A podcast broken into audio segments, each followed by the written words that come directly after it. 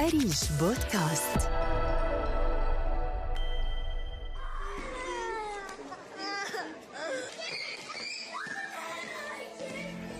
شبهت أم لطفل مريض بالتوحد هذا المرض بأنه بلورة من الكريستال دخلها ابنها لتعزله عنها وعن العالم وكأنه من كوكب آخر.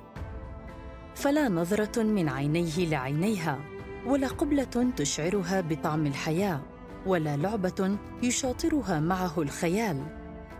مثل هذه الأم تعيش ثمانية آلاف أم أردنية في نفس الحالة يعانين من مرض التوحد الذي أصاب أطفالهن يسعين لعلاجهم وتأهيلهم ودمجهم في المجتمع. لكن الأمر ليس بالسهل بسبب حاجة هؤلاء الأطفال إلى رعاية صحية معقدة ومجموعة من الخدمات المتكاملة تعجز عنها قدرات الأسر فطريق العلاج طويل ويستلزم وجود تعاون كامل بين قطاعات الصحة والتعليم والرعاية الاجتماعية. ومع عدم توفر هذه المنظومة المترابطة يتحمل الكثير من تلك الأسر عبء العلاج والتأهيل كل على قدر استطاعته. مرض التوحد من قدم الزمان هاي الاضطرابات ولكن ازدادت مع زيادة عدد السكان في كل الدول. جميع أنواع الإعاقات بدها عناية. وإحنا هون بنخص التوحد لأنه الأهل بيكونوا مو عارفين أصلاً لأنهم أطفال غير ناطقين. فما هو مرض التوحد؟ وكيف يمكن التعرف عليه؟ وما أهمية التشخيص المبكر في علاج حالات التوحد وما المطلوب من الأسر والمجتمع بشكل عام من دعم للمتوحدين وأسرهم. ميت وات من أريج بودكاست. إعداد جيهان الكردي.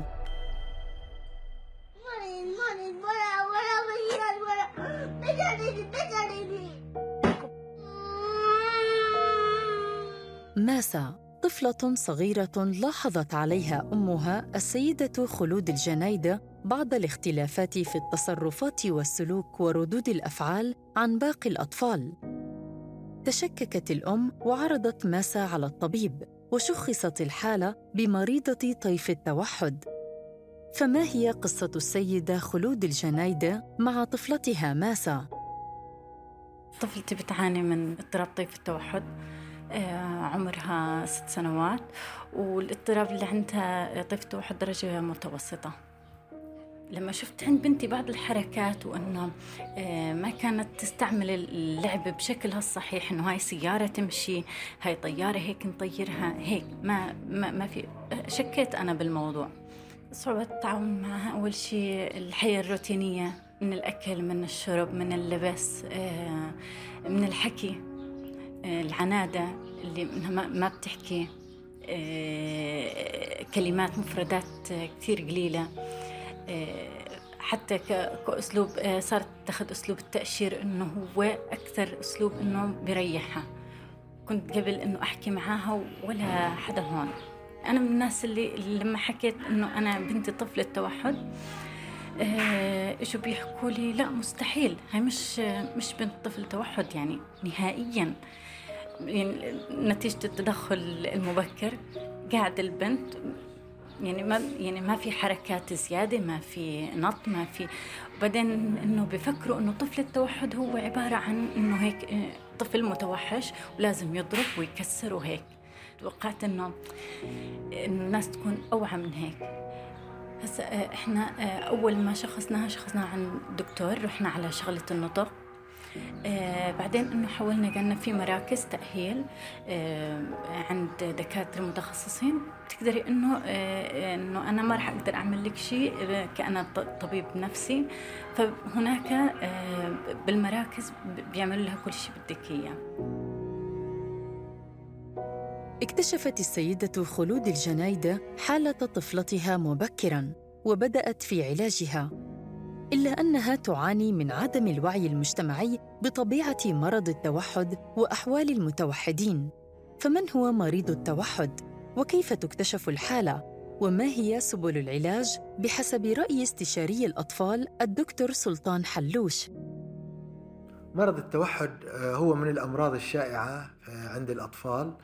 تعريفه كمرض التوحد بأنه هو الاضطراب السلوكي الذي يلاحظ عند الطفل إذا ما هي الطريقة اللي إحنا بوصلنا المريض أنه عنده توحد؟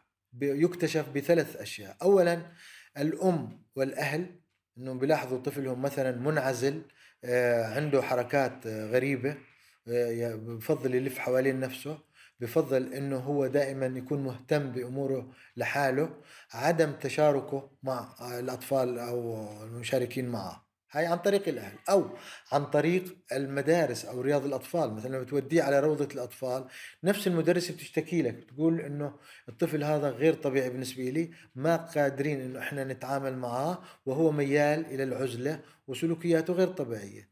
الشكل الثالث من التشخيص إنه هو خلال زيارته لعيادات الأطباء وخصوصا أطباء الأطفال. بيروح مثلا عند طبيب عنده التهاب لوز عنده حرارة عنده التهاب قصبات ولكن الطبيب بيلاحظ إنه هذا الطفل سلوكياته مش طبيعية فبيبلغ الأم إنه ابنك مش طبيعي. تشخيص التوحد كل ما كان مبكرا كل ما كان سهل العلاج. لا يوجد هنالك علاج فعال أو شافي لنحكي إنه للتوحد. إنه هي لا بنعمل له عملية ولا إنه إحنا بنعطيه دواء ولا إحنا بنقول للأم إنه هذا العلاج شافي وهو الوحيد للتوحد. العلاج التوحد بالتشخيص المبكر. تكتشف حالات التوحد بملاحظة الأسر أو مدرسي رياض الأطفال أو الأطباء والأهم أن يكتشف المرض مبكراً. وهذا ما قامت به أم ماسا. فما هو الأثر الإيجابي للاكتشاف المبكر لحالة ماسا بحسب السيدة خلود الجنايدة؟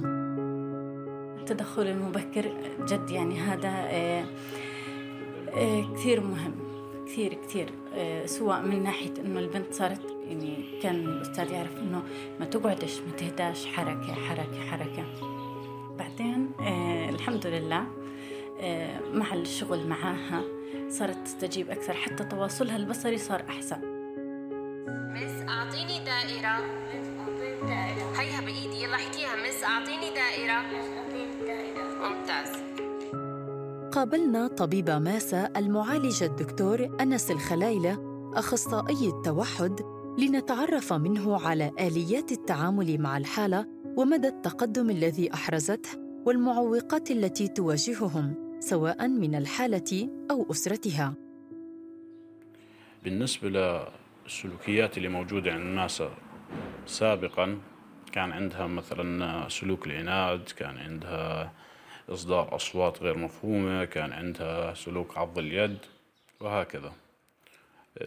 تم العمل على أغلب السلوكيات.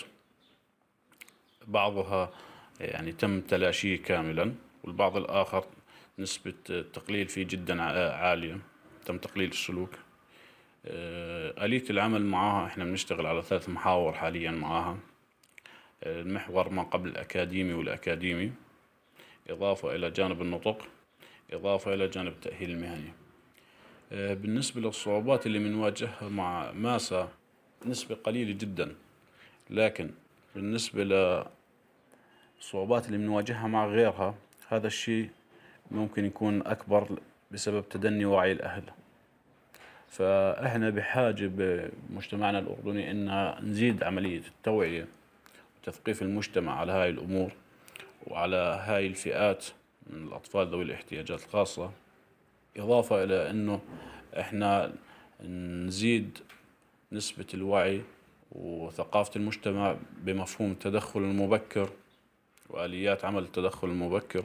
حتى نحد أو نقلل من الآثار السلبية اللي راح تترتب في المستقبل على هذول الأطفال وبالتالي على المجتمع حمل الدكتور الخلايلة وعي الأسرة والمجتمع الجزء الأكبر من العلاج إضافة إلى آليات العمل الطبي التدرجي لتأهيل الحالة فماذا عن البعد النفسي لحالة التوحد؟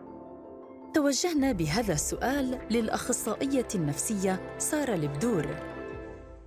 بالعادة بالمراكز الخاصة أو حتى يعني عند المعالج النفسي بده يشتغل على جانبين الجانب الأسري اللي هو دعم الأسرة تقبلهم للطفل طريقة التعامل معه كيف إنهم يحسنوا نظرة المجتمع ما يخلوا وصمة العار تأثر عليهم ما يصيبهم تأنيب ضمير تجاه نفسهم وإنهم هم المسؤولين عن هذا الشيء.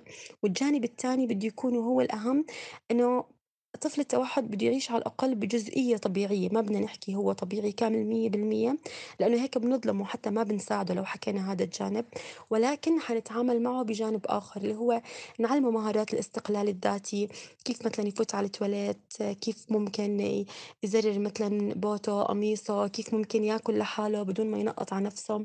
في بعض المهارات ممكن يتعلمها ويكون مبدع فيها.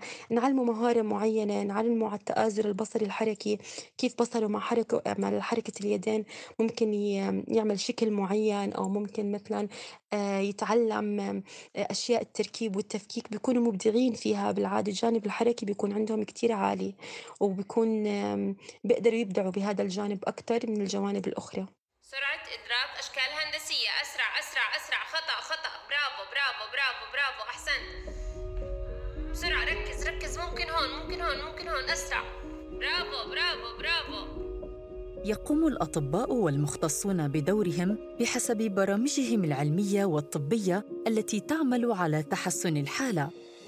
ولكن هناك معاناة أخرى لدى أسر أطفال التوحد ليست مع أطفالهم ولا مع أنفسهم في قبولهم للظرف والحالة التي وجدوا أنفسهم بها.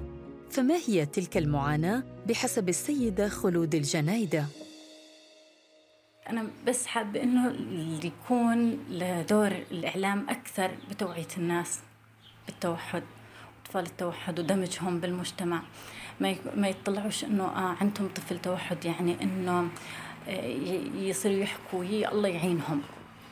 الحمد لله الله بيعين الجميع. بس إنه يعني آه، بتحسيها كإنه آه، خلص عقبة بحياة هذا الطفل ما راح إنه يصير ما راح يعمل ما راح هيك.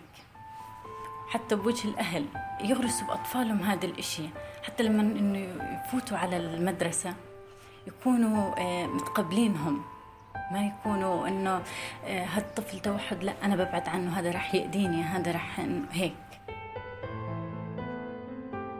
يعيش مرضى التوحد وأسرهم معاناة كبيرة مع مرض لا يمكن الحديث عن الشفاء التام منه بل ينبغي على الأسر والحكومة والمجتمع التركيز على مساعدتهم بتوفير الدعم والرعاية الكاملة وتطبيق قانون حماية الأشخاص ذوي الإعاقة الذي يمنحهم العديد من المزايا وإطلاق الحملات التي ترفع من الوعي المجتمعي تجاه مرضى التوحد وتساعد على قبولهم ودمجهم في المجتمع.